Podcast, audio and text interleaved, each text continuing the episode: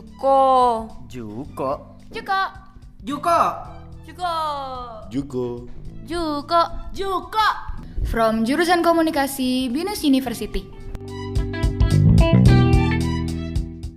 Opsius, obrolan serius. Di episode podcast kita kali ini, kita kedatangan bintang tamu yaitu Miss Yuanita selaku salah satu dosen dari Communication Department Binus University. Dan kali ini kita akan membawakan podcast dengan tema Komunikasi bencana pakai Twitter, emang bisa? Sekarang kita udah kedatangan bintang tamu yaitu uh, Miss Yuanita. Hai.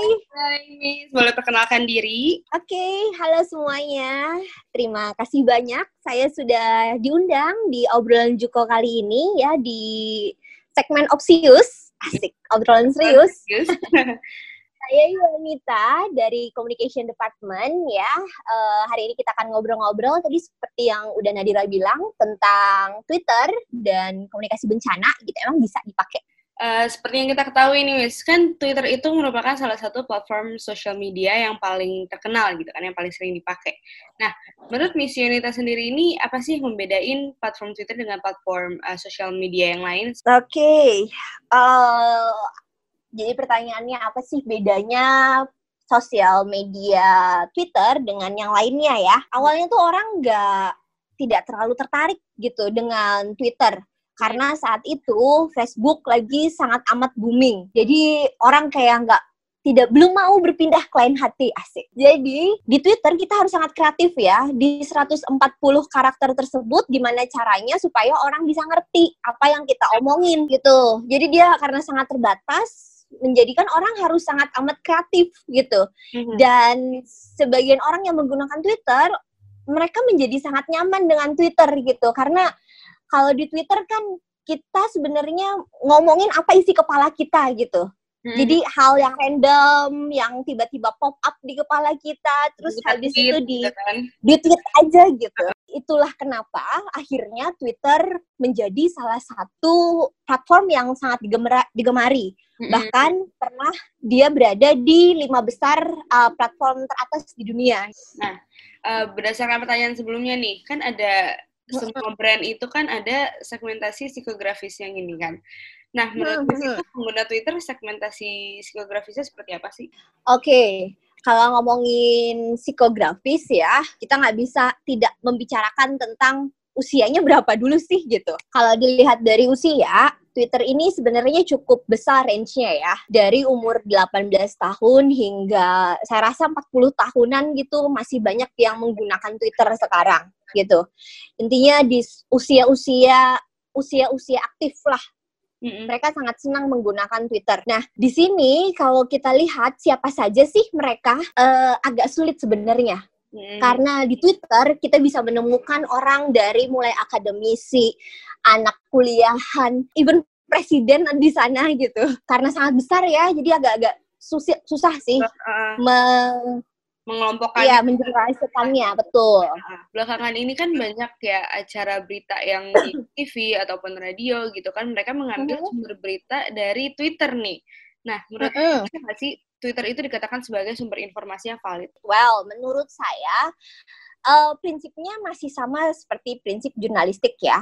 Hmm. Sumber berita adalah tentang siapa orangnya, apakah orang tersebut kredibel atau tidak untuk menjawab tentang pemberitaan tersebut.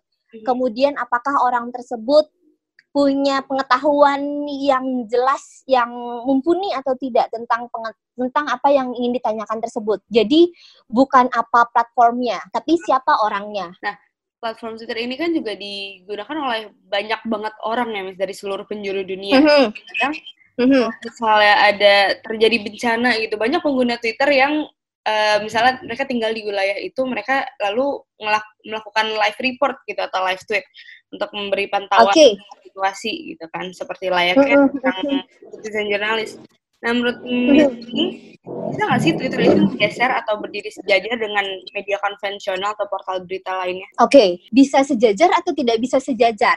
Mm-hmm. Bisa banget ya, menurut saya bisa, uh, bisa sejajar mm-hmm. karena gini, yang namanya media sekarang itu kan sudah berubah ya, tidak lagi konvensional, tapi mereka sudah converge gitu, mereka sudah konvergensi dengan media online gitu. Jadi selain mereka punya media konvensional, mereka juga punya media online. Ketika media online yang dibutuhkan first thing first adalah kecepatan berita. Jadi hmm. mereka sebenarnya berlomba-lomba. Sekarang banyak banget media yang menggunakan orang yang ada di lapangan yang mereka percayai walaupun mungkin bukan wartawan mereka tapi masyarakat biasa hmm. melaporkan kejadian itu gitu. Nah, inilah yang kita sebut sebagai citizen journalism. Ya, belakangan ini kan lagi marak-maraknya kasus COVID-19 nih, Miss. Uh, ya, iya.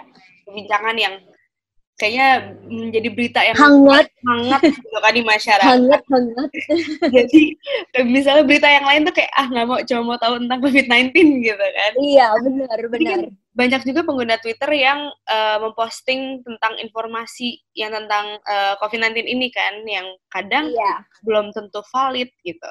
Nah, bukannya menaikkan awareness terhadap keberadaan virus ini, tapi mereka malah membuat uh, masyarakat tuh makin panik. Nah, menurut Miss, kita sebagai pengguna yang cerdas gimana sih cara menyikapinya? Oke, okay. prinsipnya satu ya, ketika kita menggunakan sosial media, apa pun sosial medianya, saring dulu sebelum sharing.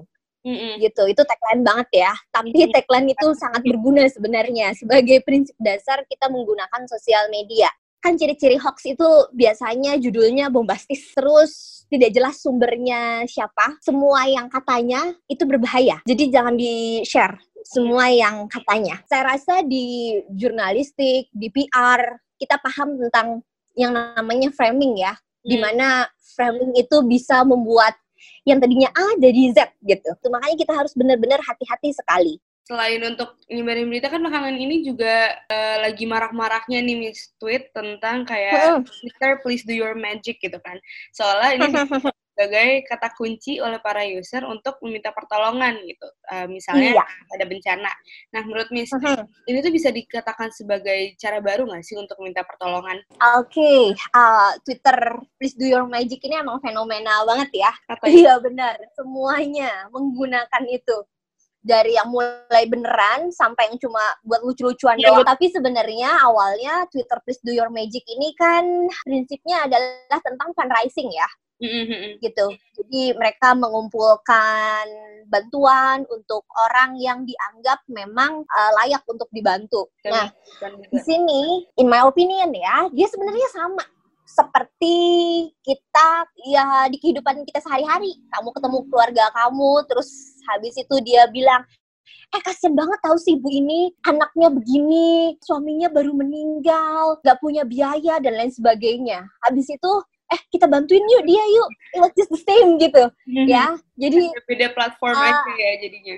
Iya, cuma beda platform aja sebenarnya. Tapi prinsip dasarnya adalah fundraising hmm. gitu. Jadi kenapa kenapa sih uh, Twitter Please Do Your Magic ini sangat amat booming khususnya di Indonesia? Kita bisa tarik ke belakang ya dari culture-nya orang Indonesia orang Indonesia itu sangat amat mudah untuk membantu. Jadi kenapa dia sangat booming di Indonesia ya karena orang Indonesia ya begitu culture-nya gitu. Mm-hmm. Nah, sebenarnya Twitter Please Do Your Magic ini tidak selamanya positif karena banyak banget orang yang juga menyalahgunakan kasihannya orang ini gitu mm-hmm. uh, untuk kepentingan pribadi mereka. Mm-hmm. apalagi di zaman sekarang ya ini kalau kamu baca di berbagai media di Twitter terutama itu banyak banget yang udah jadi apa ya korbannya gitu. Dan ternyata itu hanya untuk dipakai uh, untuk mereka sendiri gitu. Jadi memang harus hati-hati juga. Ya jadi memang walaupun Twitter Please Do Your Magic itu ada gitu, tapi orangnya juga harus sangat akuntabel. Sehingga orang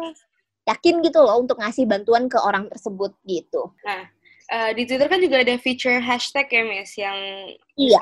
mau nge-tweet tentang uh, uh, topik yang spesifik gitu, terus nanti dikasih mhm, hashtag uh -huh. uh, user yang uh mhm. -huh. lain yang mau lihat tentang topik itu juga bisa langsung lihat. Nah, tapi kan kadang banyak uh, ada beberapa user yang memanfaatkan keviralan dari sebuah topik uh, itu untuk kepentingan yang kadang tuh nggak nyambung dengan misalnya dengan hashtag yang lagi viral ini sehingga informasi yang sebenarnya sangat berkaitan itu jadi tertimbun atau jadi nggak terlihat. Nah, menurut tanggapan untuk user-user seperti itu gimana sih? Menyebalkan. Kadang malah dipakai buat jualan. Menyebalkan. Jadi buzzer-buzzer seperti itu ya, ini uh. yang kadang-kadang empatinya nggak ada gitu, sama hmm. sekali nggak ada. Apalagi di zaman COVID ini ya. Saya yeah. kemarin beberapa hari yang lalu saya baru lihat. Jadi orang lagi ngomongin tentang apa ya? Tentang dokter. Mereka Hari Kesehatan Sedunia ya. Uh. Dan orang-orang intinya bikin thread tentang betapa mereka berterima kasihnya sama dokter-dokter yang gugur untuk membantu uh, pandemik ini gitu. Kemudian ada beberapa orang yang menunggangi asik menunggangi mm-hmm. menunggangi mm-hmm. hashtag-hashtag yang dibuat tersebut mm-hmm. untuk kepentingan pribadi mereka. Mm-hmm. Such as misalnya, eh kak, saya jualan ini nih gitu. itu ya. banget yang iya. hashtag viral jadi dipakai buat jualan. Iya, yang dipakai buat jualan lah, yang hanya untuk menaikkan salah satu pihak lah, yang untuk iya, politik betul, lah. Padahal kan bukan buat itu ya poinnya ya. Jadi uh, komentar saya buat itu adalah mereka sangat amat menyebalkan gitu. uh, gitu. itu sebenarnya Twitter itu efektif gak sih dalam menyebarkan informasi atau berita? Uh -huh. Apalagi misalnya uh -huh. uh, dalam ini konteksnya tentang bencana ya. In my opinion sangat amat efektif dalam menyebarkan berita. Jadi saya pernah bikin tahun lalu saya membuat sebuah penelitian barengan sama uh, Bumi Angelin dan Pak Daru Wibowo ya tentang apa sih sebenarnya fungsi dari Twitter pada saat natural disaster di Indonesia. Dari hasil penelitian tersebut kita bisa melihat ada beberapa fungsi Twitter sebenarnya pada saat bencana. Yang pertama adalah untuk quick update karena ternyata Twitter itu jauh lebih cepat daripada media konvensional. Jauh lebih cepat dan dia jangkauannya sangat luas gitu. Jadi siapa pun orang di mana pun berada itu kita bisa tahu duluan dari Twitter. Kemudian uh, hasil penelitian kami juga menunjukkan bahwa di Twitter orang banyak banget yang memberikan simpatinya. Jadi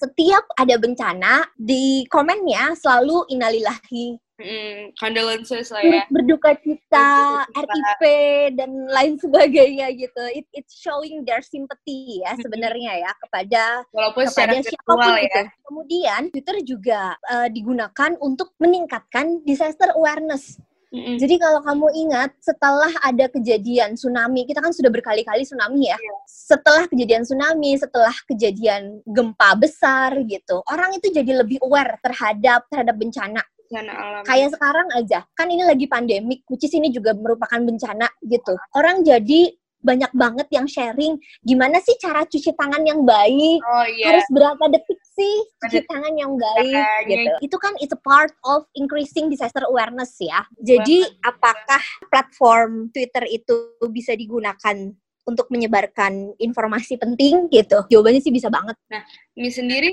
uh, pasti uh, merupakan pengguna aktif Twitter dong ya. Menurut ya, menggunakan. ada keuntungan nggak sih? Pasti di Twitter ada keuntungan, hmm. tapi pernah nggak sih ngerasain kerugian dengan menggunakan Twitter ini? Kerugiannya mungkin Twitter itu text time ya.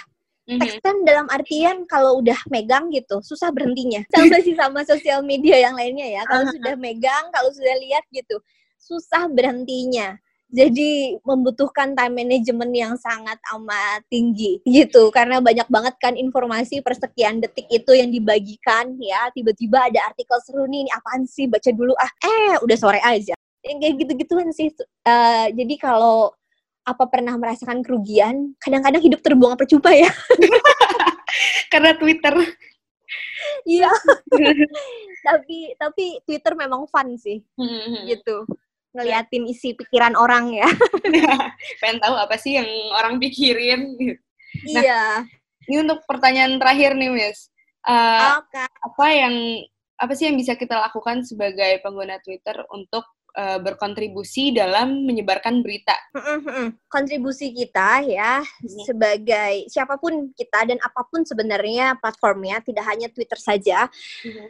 Intinya sih kalau nemu berita jangan ditelan mentah-mentah. Mm-hmm. Dipikirkan dulu ini akan bermanfaat atau tidak buat orang lain, dampaknya seperti apa, efeknya akan seperti apa. Ini bikin orang panik atau tidak. Ketika saya menyebarkan ini, apa untungnya buat saya dan apa untungnya buat orang lain, gitu. Mm-hmm. Jadi back again, saring mm-hmm. dulu sebelum sharing gitu dulu sebelum sharing ya jadinya iya. oke deh okay. terima kasih banyak untuk waktunya sampai sama-sama Nadira terus yang episode-episode opsi selanjutnya Ingin dengerin podcast tentang seputar komunikasi yang lainnya? Stay tune di obrolan Juko, presented by Communication Department Binus University. From jurusan komunikasi Binus University.